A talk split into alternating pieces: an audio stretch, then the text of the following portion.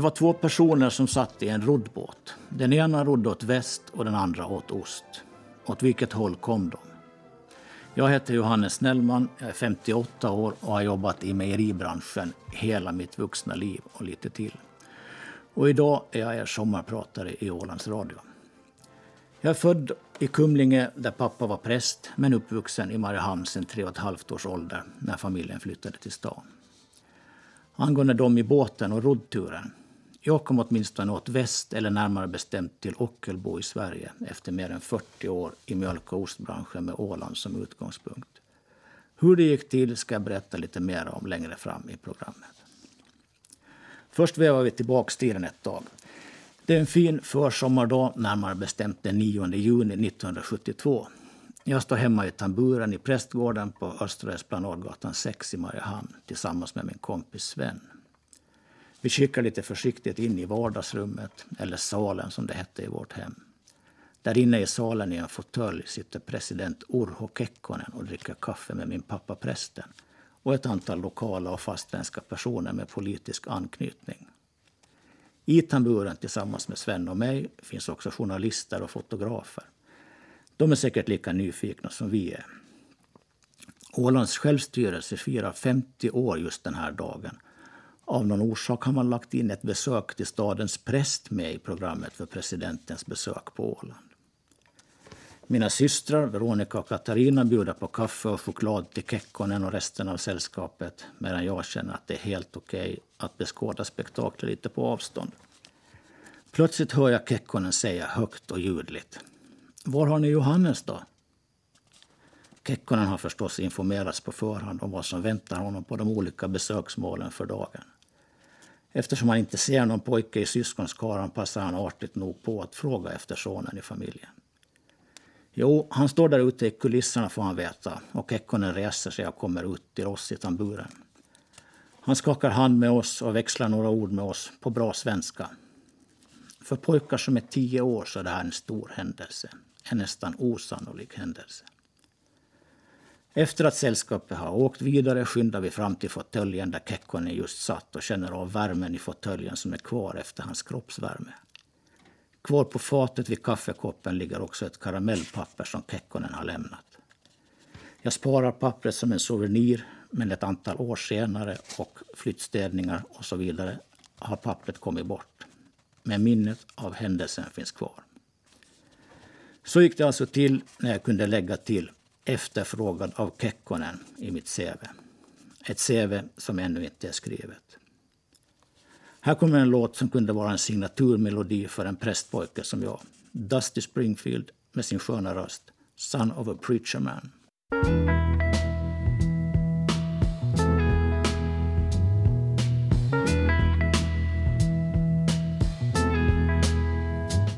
Min pappa Stefan var alltså präst, vilket innebar att jag och mina två systrar växte upp i en prästgård med allt som det för med sig. Och så hade vi vår mamma Ann-Kristin förstås. Då på 60-70-talet betydde livet i prästgården att hemmet var åtminstone till och från lite halvoffentligt eftersom prästgården också fungerade som representationslokal för församlingen.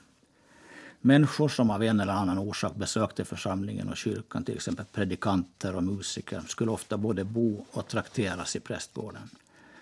Gästerna fanns mitt ibland oss och vi åt morgonmål, lunch, middag och kvällsmål tillsammans.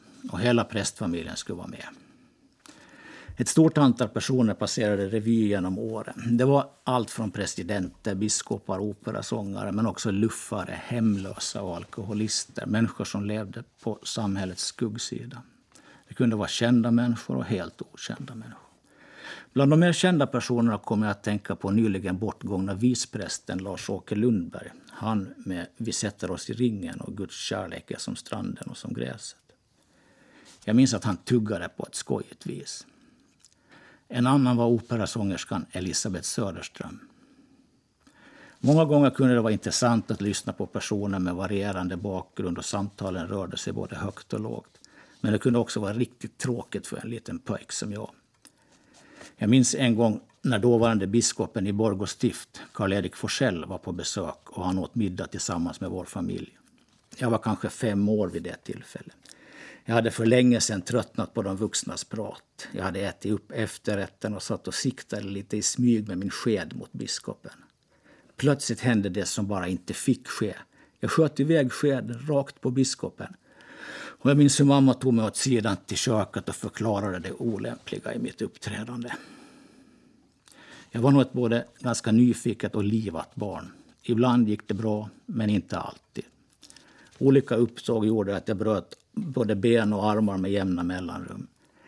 En gång med så avvägd frekvens att jag kom in till akuten med bruten arm exakt på dagen ett år efter att jag hade varit där med hjärnskakning och bruten fot.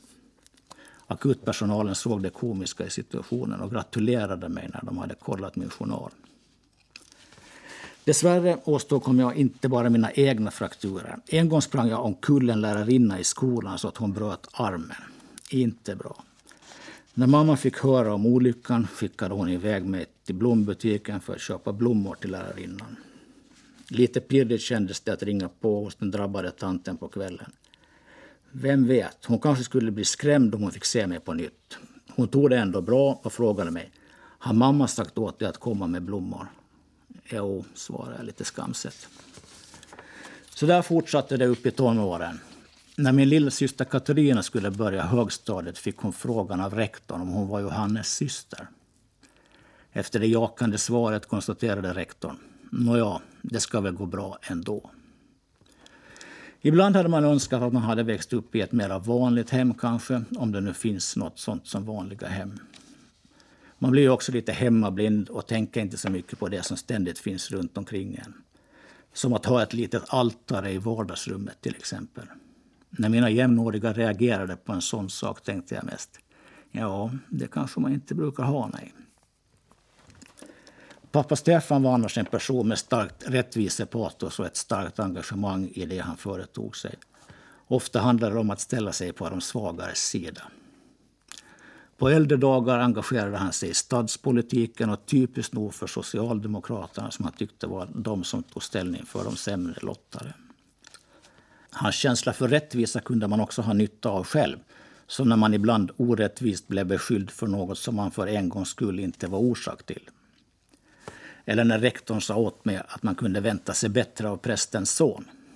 Det fick rektorn minsann veta, att man gjorde inte skillnad på människors bakgrund. Så det är så. Rektorn och jag träffades flera gånger när jag hade blivit äldre och vi hade ett bra förhållande till varandra kan jag tillägga. Här kommer Jag och min far med Olle Ljungström.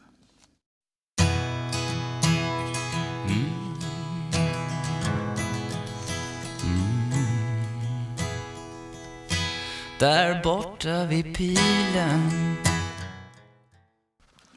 en del av en prästpojkes liv var också att följa med föräldrarna till kyrkan. Och det också som ganska liten. Pappa var där i sin yrkesroll som präst och mamma som kyrkobesökare med mig. Kyrkobesök i den åldern passade inte min natur särskilt bra.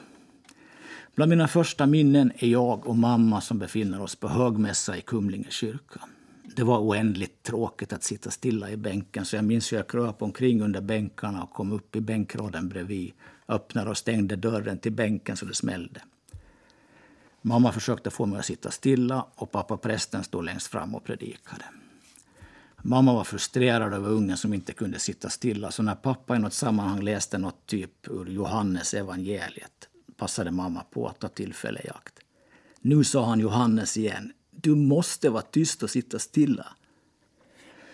I regel slutade våra kyrkbesök med att mamma tappade tålamodet och gick ut från kyrkan innan gudstjänsten var slut med mig i ett hårt grepp i handen. Jag minns hur jag stod där på kyrkogården i Kumlinge med min upprörda mamma och jag minns precis hur jag tänkte för mig själv. Åh nej, nu hände det igen. Ändå var mina framtidsplaner som liten att bli präst och att ha en röd folka, märkligt nog. Prästyrket intresserade trots allt, för då skulle jag få chansen att obehindrat springa i trapporna upp och ner till predikstolen, vilket annars inte var en tillåten sysselsättning. Jag hade också en tydlig prova på-mentalitet redan som riktigt liten. Det berättas att jag gärna ville stå och trycka på knapparna på familjens rörradio som stod i lagom höjd för mig, vilket inte var tillåtet. Om jag gjorde det blev det smisk på fingrarna. Ändå tog behovet och nyfikenheten över och det berättas att jag ställde mig där gång på gång färdigt gråtande. För jag visste att straffet skulle komma. Det här är Janis Joplin med Cry Baby.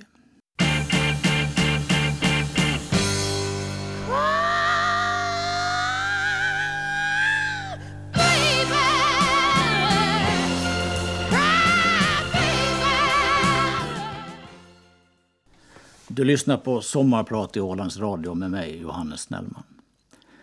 Efteråt har jag tänkt en del på min mammas roll. Att vara prästfru på den tiden innebar att man förväntades ha rollen som servicepersonal i alla möjliga sammanhang för församlingens behov. Det skulle servas med det ena och det andra på alla tänkbara tider på dygnet. Det var övernattande gäster och det var olika sammankomster. Det var kaffeserveringar, det var middagar och det var kvällste. Så var det bara. Den rollen klarade hon utan knot samtidigt som hon tog hand om mig och mina syskon och allt annat som hört till ett hem. Men hon höll också på med någonting hela tiden för att hinna med allt. Jag minns inte att hon skulle ha gett sig tid att sitta ner och se på tv till exempel. Hon kunde på sin höjd stanna till stående i dörröppningen om det till exempel var slutsekunder i en spännande hockeymatch. Mamma har haft stor betydelse i mitt liv, som mamma har för många barn förstås. Hon fanns alltid där, från att man som liten kravlade upp i hennes famn till att man som lite större kunde behöva lite tröst och stöd efter diverse motgångar och misslyckanden. Hon fanns alltid med i bakgrunden någonstans. Jag tror förresten att hon aldrig sov riktigt. Som tonåring kunde man komma hem vilken tid som helst på natten och hon var alltid vaken och ställde någon fråga eller kommentar från sängen. Som “Vill du ha något att äta?” Kanske inte alltid det som var fokus för den tonåriga grabben just då, men som vanligt stor omtanke från hennes sida. Och så ville hon att det skulle bli bra folk av oss syskon. Hon såg till att vi hade matlagnings och diskturer där hemma. Vi skulle lära oss att klara oss på egen hand. Något tag engagerade hon till och med vår granne, tant Sigrid, som var duktig på matlagning och bakning och som kom över till oss och ordnade olika projekt i köket med mig och mina syskon. Och förutom allt grundläggande så lärde hon mig bland annat saker som att deklarera, tips hur man ska hålla tal och sådär. Men också om alla människors lika värde, om att dra sitt strå till stacken, att hjälpa till. Man hjälper inte mamma fick vi veta, utan man hjälper bara till helt enkelt. När vi var vuxna fick vi syskon varsitt exemplar av den åländska kvinnans historia. Den borde alla ägna sig lite tid åt för att få bättre insikt i hur ett bra samhälle blir till. Likadant som många mammor och kvinnor var mamma en typisk vardagshjälte. Fanns alltid där och till hands vid behov. Långt större betydelse än någon historieskrivning kan förmedla. En person som växte upp utan sin mamma det var James Brown. Här är han med It's a man's man's man's world.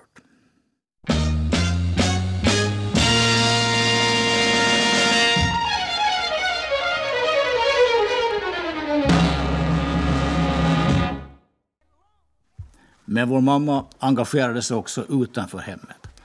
Hon höll söndagsskola först i Kumlinge och sen i Mariehamn när vi bosatte oss där.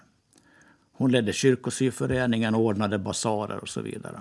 Hon var också en av initiativtagarna till Nattmissionen i Mariehamn som senare blev Socialmissionen. Syftet var att försöka ordna ett drägligt liv och någonstans att bo för dem som hade hamnat lite utanför.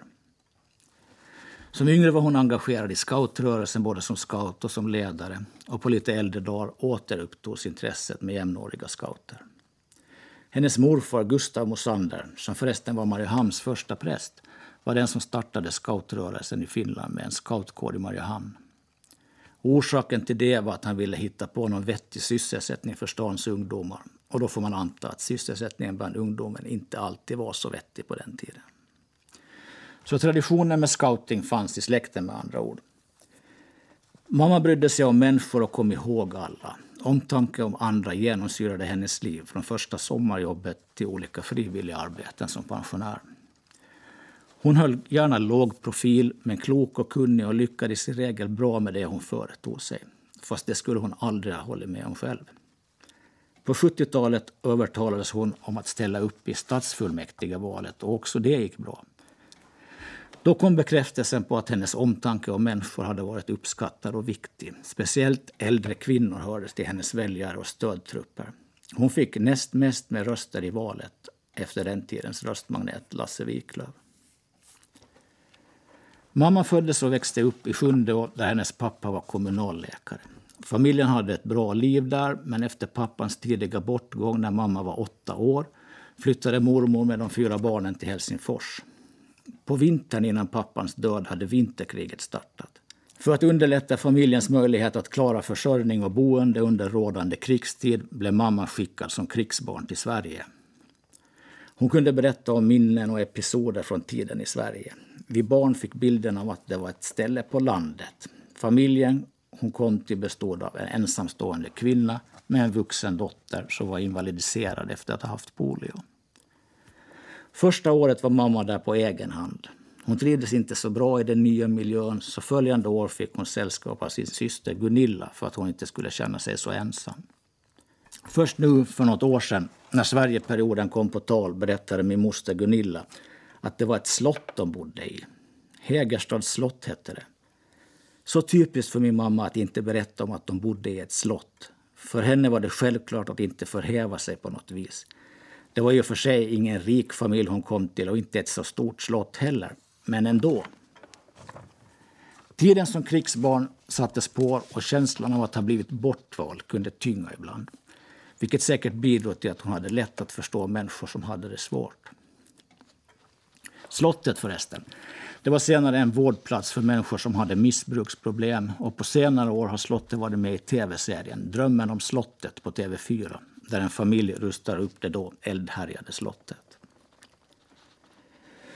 Efter att ha varit hemma med oss barn återupptog mamma jobbet som lärare när min yngsta syster hade börjat skolan. Efter det var mamma socialinspektör på landskapsstyrelsen fram till pensioneringen 1996. Jag hade önskat att hon skulle få njuta länge av sin tid som pensionär efter alla år med delvis motvind och engagemang och omtanke om andra. Men tyvärr ville ödet annorlunda. Vid pensioneringen led hon sedan ett antal år tillbaka av reumatism som sakta blev sämre. Dessutom drabbades hon av Alzheimers sjukdom som kortade ner den lyckliga tiden som pensionär. Efter några år blev det inte möjligt att klara boendet på egen hand med även om vi syskon gjorde allt för att hon skulle klara sig själv så länge som möjligt. De sista åren bodde hon på Odalgården och på Trobergshemmet. Till sist var det en utdragen lunginflammation som tog de sista krafterna ifrån henne. Vi barn vakade vid hennes sjuksäng när det var tydligt att hennes timmar var räknade. Jag är glad att vi fick den möjligheten. Fram till dess hade jag aldrig sett en död människa, men jag fick hålla henne i handen till det sista djupa andetaget som var över med en suck och hon hade lämnat oss. Tack för allt, mamma. Båda mina föräldrar gick bort sommaren 2008. Mamma berättade om att hon hade varit med om ett uppträdande med Cindy Peters som hade berört henne mycket. Så det här är till dig, mamma. Cindy Peters och Augustifamiljen. Peace Train.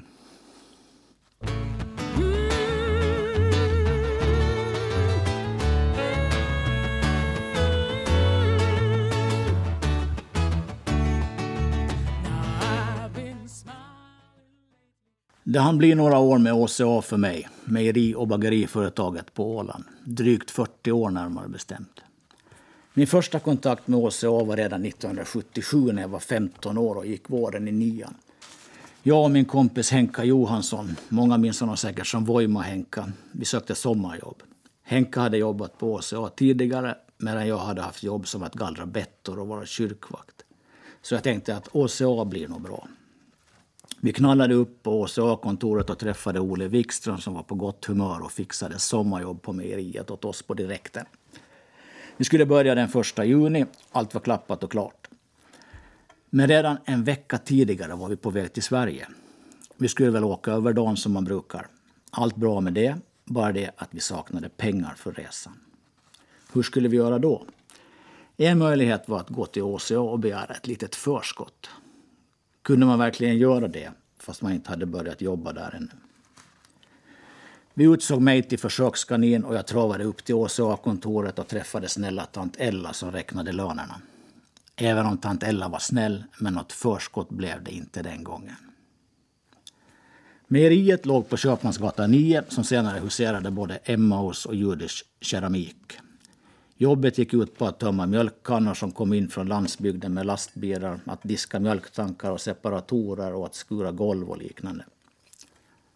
Följande vår hade jag gått ut folkhögskolan. Det blev folkis för att skoltrötta Johannes inte orkade med något mer avancerat då. Och så hade jag flickvän som senare skulle bli min fru. Trots ung ålder väntade vi barn tillsammans, så det var dags att hitta en försörjning för den blivande familjen. Jag hade inte så lång erfarenhet av förvärvsarbete som sagt, så det jag kom på var att söka jobb på HCA igen. Sommaren före hade varit okej okay, och jag berättade för den blivande mamman att ostmästare kunde man bli. Det fanns en sån på HCA och ryktet visste att det var bra betalt. Så det skulle jag sikta på, sa jag. Den dåvarande ostmästaren Johannes Strand skulle gå i pension inom några år. Igen var det iväg till ACA-kontoret och jag fick träffa direktör Stig Karlsson som ordnade jobb åt mig. I maj 1978 började jag på ACA för andra gången. Också den här gången var det frågan om ett sommarjobb. Som blivande förälder ville jag gärna ha förlängd anställning förstås, men sommarjobb var det enda som erbjöds till att börja med. Jag anmälde intresse för fortsatt anställning men ännu i slutet av sommaren fanns inga lediga jobb på ACA. Eftersom mejeriet skulle flytta till en helt ny byggnad i Jomala under hösten fanns det ändå ett tillfälligt behov av lite extra personal. Verksamheten drevs under övergången på två ställen och jag hörde till de sista som var kvar på mejeriet på Köpmansgatan. Vi skulle få barn som sagt och det i november. På den här tiden kunde man som pappa få två veckor pappaledigt när barnet var fött. Det var alltså dags att anhålla om pappaledighet hos arbetsgivaren. Jag tog mod till mig och gick upp till OCA-kontoret för att träffa direktör Karlsson. Klev in i hans stora arbetsrum och berättade att jag ville vara pappaledig i november. Ganska omgående ångrade jag att jag ställt frågan. Karlsson blev närmast ursinnig över min fräckhet. Han hoppade jämfota av ilska som jag upplevde det. Jag var ju inte ens ordinarie anställd. Och hur hade jag fräckheten att komma och begära pappaledighet under de förutsättningarna? Jag backade ut ur rummet och kände både ånger och uppgivenhet. Det fick väl gå ändå då utan någon pappaledighet. Senare samma dag när arbetsdagen var över och jag var på väg till bussplan för att åka buss ut till Godby där jag hade min första bostad efter flytten från föräldrahemmet. När jag passerade kontoret kom Karlsson utspringande på trottoaren. Snäll man, snäll man, vänta. Det ska nog ordna sig med pappaledigheten i alla fall. Jag har kollat med kontorschefen. Det är alltså inte OCA som ska betala dig under pappaledigheten. Jag var inte uppdaterad på det. Jag är ledsen. Det är klart att du ska vara pappaledig. Jag kan tillägga att direktör Karlsson kom att höra till mina favoriter trots händelsen jag just berättade. Här kommer Creedence med Fortunate Son.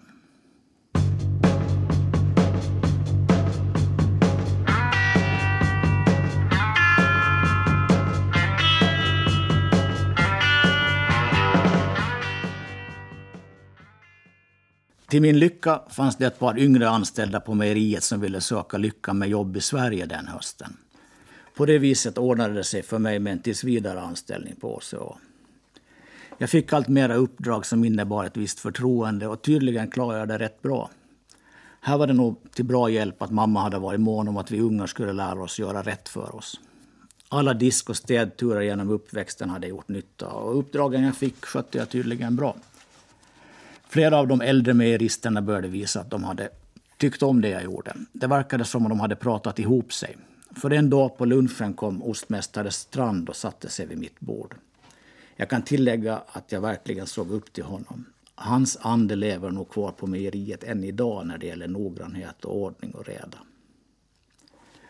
Han frågade mig om jag hade funderat på att satsa på ett yrke inom mejerinäringen och om jag kunde tänka mig att börja i mejeriutbildningen som fanns i Vasa i Österbotten.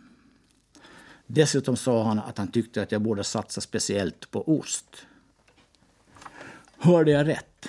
Ja, mellan raderna förstår jag att han tyckte att jag kunde vara en bra efterträdare för honom när han snart skulle pensioneras. Tänk, jag var bara 17 år och hade inte ens jobbat ett helt år på oss och jag kände mig verkligen hedrad över att få frågan. På hösten det året började jag vid Svenska Mejeriskolan i Vasa. En legendarisk skola där ostmästare Strand och flera framstående personer inom svensk och finsk mejerinäring hade gått. Studierna varvades med praktik och våren 1982 var jag klar. Johannes Strand pensionerades följande år. Jag och min kollega Ingmar delade då på rollen som ostmästare efter honom. Jag trivdes i rollen som avdelningsledare fast jag var yngst av alla. Mest tyckte jag ändå om att jobba med utveckling av olika slag. Ganska tidigt började jag också fundera på att vd kunde man ju också vara. Så det blev en del studier vid sidan av jobbet, bland annat till markonom. Så jag skulle vara redo om chansen dök upp någon gång. Efter ett antal år som ostmästare blev jag först mejerichef och från augusti 2005 utsågs jag då till OCAs vd. Det var en fantastisk tid på OCA med alla människor jag fick förmånen att jobba med. Tillsammans gick vi från att vara ett rätt anonymt mejeri till att stå på egna ben med egen export och eget säljbolag i Finland. Därtill nödda och tvungna förresten, eftersom de finlandssvenska mejeriernas gemensamma säljorganisation lades ner efter 2004. Utvecklingen av ostar och produkter, säljkanaler, energi och miljötänk var verkligen inspirerande att få vara en del av. När det var som allra bäst kände vi att vi verkligen levde varumärket ÅCA. Tack alla på ÅCA. Ingen nämnd och ingen glömd. Tillsammans med Led Zeppelin minns vi tillbaka med ett leende på läpparna. Här med deras låt Rock'n'Roll.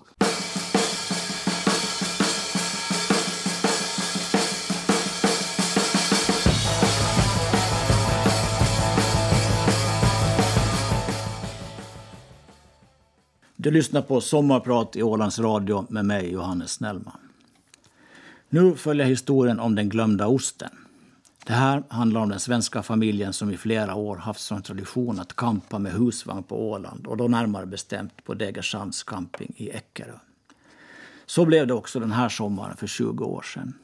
Tidigare samma år hade familjen startat upp en verksamhet som ostgrossist och ostförpackare i Ockelbo vilket åtminstone betydde att man hade bra tillgång på ost.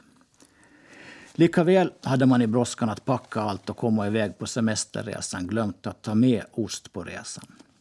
Alla kan tänka sig kaoset när husvagn och bil ska fyllas med badbollar, mat och ungar. Väl framme på Åland när missen med den glömda osten upptäcktes så bestämde man sig för att inte leva en ostfri semester ändå.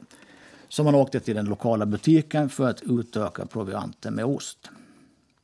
Då gjorde man upptäckten att det minsann tillverkades ost på Åland också. Och dessutom var osten riktigt god. Eftersom det här var en idérik familj med framåtanda så dröjde det inte länge innan man såg en affärsmöjlighet i detta. Göran Ström, pappan i familjen som var upphovsmannen till Ockelbo ost, ringde upp mejeriet på Åland som tillverkade osten. En kort tid efter det gjorde jag tillsammans med Håkan och Peter från OCA ett besök i Ockelbo för att se om vi kunde hitta på något bra samarbete med företaget. Vi såg framför oss att det här kunde vara vår chans att bryta in på den svenska marknaden med vår ost och våra produkter. Vi kom ganska snabbt igång med lite ostleveranser till Ockelbo, om än i ganska blygsamma mängder i början. Och jag märkte snabbt att jag och Göran klickade bra med varandra. Han hade ett okomplicerat sätt och en naturlig fallenhet för att snusa upp bra affärsmöjligheter, egenskaper som tilltalade mig. På samma sätt var uppskattningen besvarad från hans sida, visade det sig. Följande sommar kom de tillbaka till Åland, men den här gången med hela personalen i släptåg. Samarbetet med Åland och Ockelbo växte med åren och vi utvecklade ostar tillsammans och kundunderlaget i Sverige växte. Som mest var vi uppe i 700 ton ost på ett år från Åland som såldes via Ockelbo Ost. Det var ett typexempel på kreativt samarbete när det är som bäst. Men vi hade också en hel del skoj tillsammans utanför själva jobbet. Vi kollade fotboll tillsammans till exempel.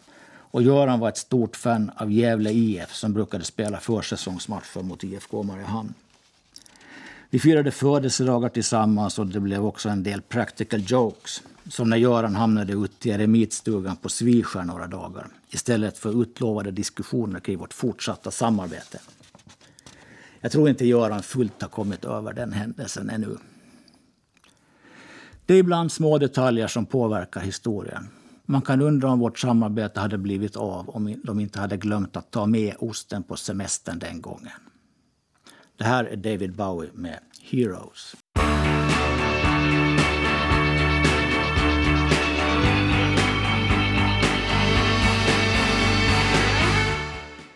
I mitten av januari 2019 hade jag kommit till vägs ände med HCA som jag hade levt med och betraktat som mitt skötebarn i många år. Jag lämnade företaget efter drygt 40 år. Jag har sagt det förut och jag säger det igen. Det är som ett kärleksförhållande i rollerna med, som vd och styrelse för ett företag. Man måste vara lyckliga tillsammans, annars är det bättre att gå skilda vägar. Det behöver inte betyda att det är något fel på någon av parterna. Man har bara olika syn på vissa saker. Men jag måste ändå erkänna att det kändes pirrigt att ta ett steg ut i det okända efter att ha haft samma arbetsgivare i mer än 40 år. Pirrigt men ändå väldigt befriande. Både glad och ledsen på en gång. Jag hade ärligt talat ingen aning om vad som väntade. Jag hade ändå tänkt att det skulle vara skoj att någon gång testa något annat. Nu och då hade det dykt upp några möjligheter som jag hade funderat över. Som yngre blev jag bland annat tillfrågad om jag kunde tänka mig att vara med och starta upp ett mejeri i Bolivias djungler efter att vi hade haft praktikanter på oss från en indianstam i Bolivia. De kom för att lära sig mer om mejerihantering inför starten. Det var ett biståndsprojekt som gick ut på att hitta en ersättande födkrok för ursprungsbefolkningen i Bolivia istället för att syssla med kokaodling. Jag hade minderåriga barn då och valde då att inte spinna vidare på det. Istället blev det en studiekamrat till mig som tog uppdraget och förverkligade mejeriprojektet i djungeln. Bra jobbat, Staffan! Efter att meddelandet om min avgång hade nått massmedia och jag samma dag var med i radion i direktsändning blev mitt steg ut i det okända känt även för allmänheten. Redan samma dygn som nyheten blev känd fick jag ett par telefonsamtal som är förslag på nya sysslor. Då kändes utmaningen som jag stod inför ännu mer positiv. Jag tänkte, det här får jag inte slarva bort. Det gäller att ta chansen och se över vad som kan bli ett bra liv framöver. Eller som en vän sa till mig, det kan ju bli bra också. Här sluts cirkeln med familjen med den glömda osten. Samarbete mellan ACA och Ockelbo Ost hade fortsatt. Tyvärr blev grundaren av företaget och min nära vän Göran Ström allvarligt sjuk och måste kliva av jobbet i början av 2017. Sambon Stina och sonen Fredrik drev företaget vidare. De hade testat ett par personer som ersättare för Göran, men det blev inte riktigt bra. Stina och Fredrik är fantastiska personer och väldigt duktiga på sitt. Men de kände ändå inte att rollen som företagsledare var det de ville ha i längden. Efter att vi hade träffats och pratat ihop oss så föll ostbitarna på plats. Jag erbjöds rollen som vd i Ockelbo Ost, vilket betyder allt i allo i företaget. Och jag tackade ja till det. Det här är till Göran, Stina och Fredrik och alla fina människor på Ockelbo Ost. En svensk version av Steve Winwoods och Spencer Davis Groups Gimme Some Loving, Pistvakt med Ockelbo 300.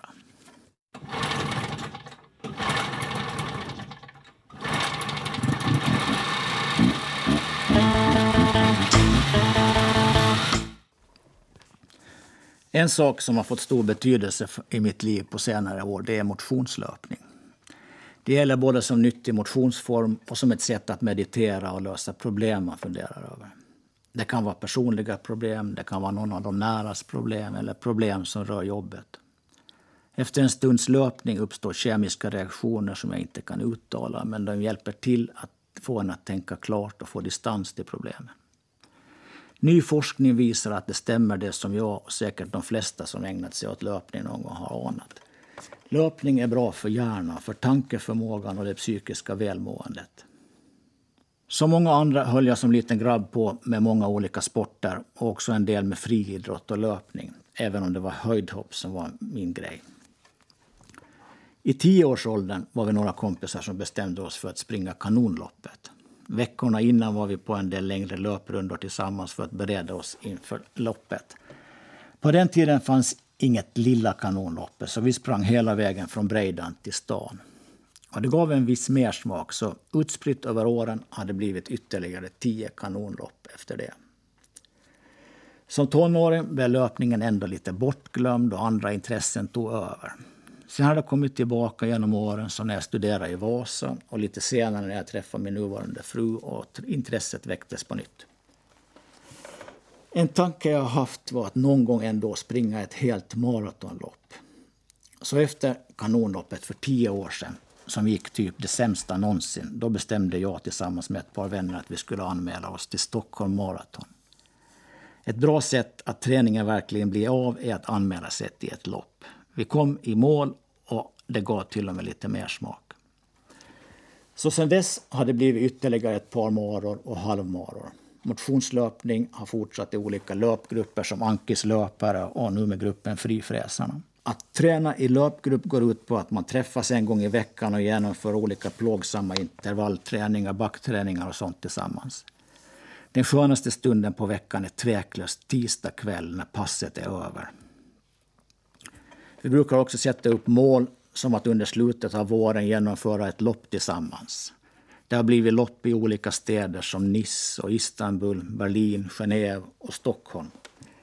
Gemensamt för de här städerna är att det är en kort tid efter att jag har sprungit ett lopp där har förekommit terrorattentat på de platserna.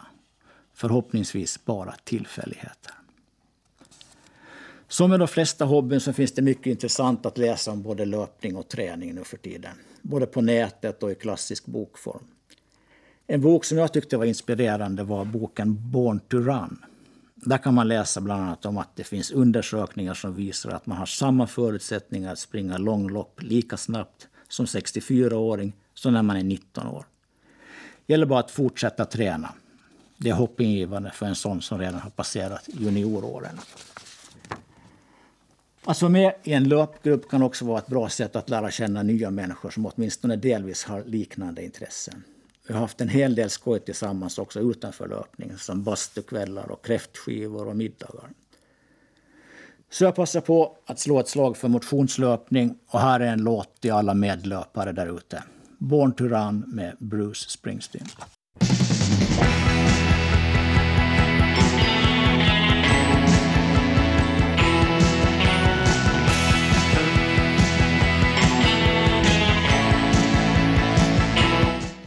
Det är inte alltid som det funkar att springa och träna som man vill heller. Till exempel kan kroppen säga ifrån och det är inte ovanligt. Så själv brukar jag varva löprundorna med hundpromenader, både när det funkar att springa och när det inte gör det. Om löpningen är bra för det psykiska välmåendet så får jag passa på att tipsa om att en hundvän, det är också väldigt bra. Du och din vän kommer er ut i friska luften och jycken är glad att få gå och snusa på fina dofter från andra hundar och du själv får en stunds meditation i det fria. Förutom motionen med hunden får man dessutom på köpet att det alltid är någon som är glad när man kommer hem. Verkligen okomplicerad kärlek kan man säga. Du lyssnar på Sommarprat i Ålands Radio med mig, Johannes Snellman. Den här våren har varit speciell för alla med coronapandemin som har drabbat oss på olika vis. Människor har dött och det finns de som har tappat vänner och familjemedlemmar. De som har blivit sjuka, företag som har gått dåligt och människors livsverk har gått förlorade. Permitteringar och arbetslöshet har varit vardagsmat. Människors frihet och rörelsefrihet har satts ur spel med stängda gränser och resetjänster som har pausat eller helt upphört. Av olika orsaker har man inte kunnat träffa människor och så vidare. Få hade kunnat ana att det här skulle kunna bli på det viset som det blev. Och det är som sagt i många avseenden en stor katastrof. Ändå brukar det komma något gott ur allt elände. Även om mycket kommer att återgå till det normala efter något år får vi ändå tro att den här våren har fått oss att inse vad som är viktigt i våra liv människors, vänners, arbetskamraters och familjemedlemmarnas betydelse för oss och saknaden efter varandra när vi inte kan träffas. Förhoppningsvis är det här också en förändrad riktning som företag kommer att kunna anpassa sig till så att de kan fortsätta sin verksamhet. Men då kanske på ett lite annorlunda och kanske på ett lite mer hållbart vis. Till min familj, släkt och alla vänner, till alla som saknar någon. Här kommer Wish You Were Here med Pink Floyd.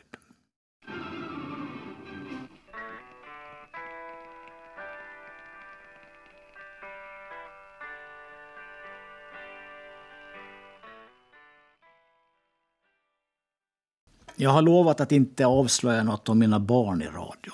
Men en sak kommer jag ändå att ta upp. Jag brukar säga att jag har haft barn hela livet, ända sedan jag själv var barn. Det är 24 år mellan den äldsta och den yngsta och jag har dessutom haft lyckan att få fem fina barn. Alla är de fantastiska på sitt eget vis. Så till mina älskade barn.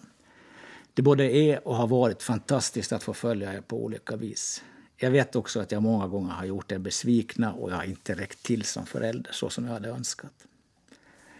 Tack ändå ungar för att ni står ut med mig precis som jag är trots mina brister och tillkortakommanden.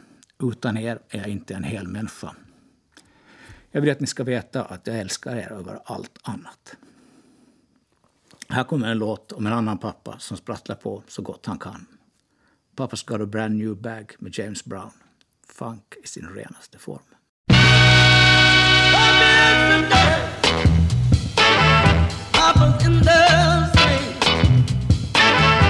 Min programtid börjar närma sig sitt slut.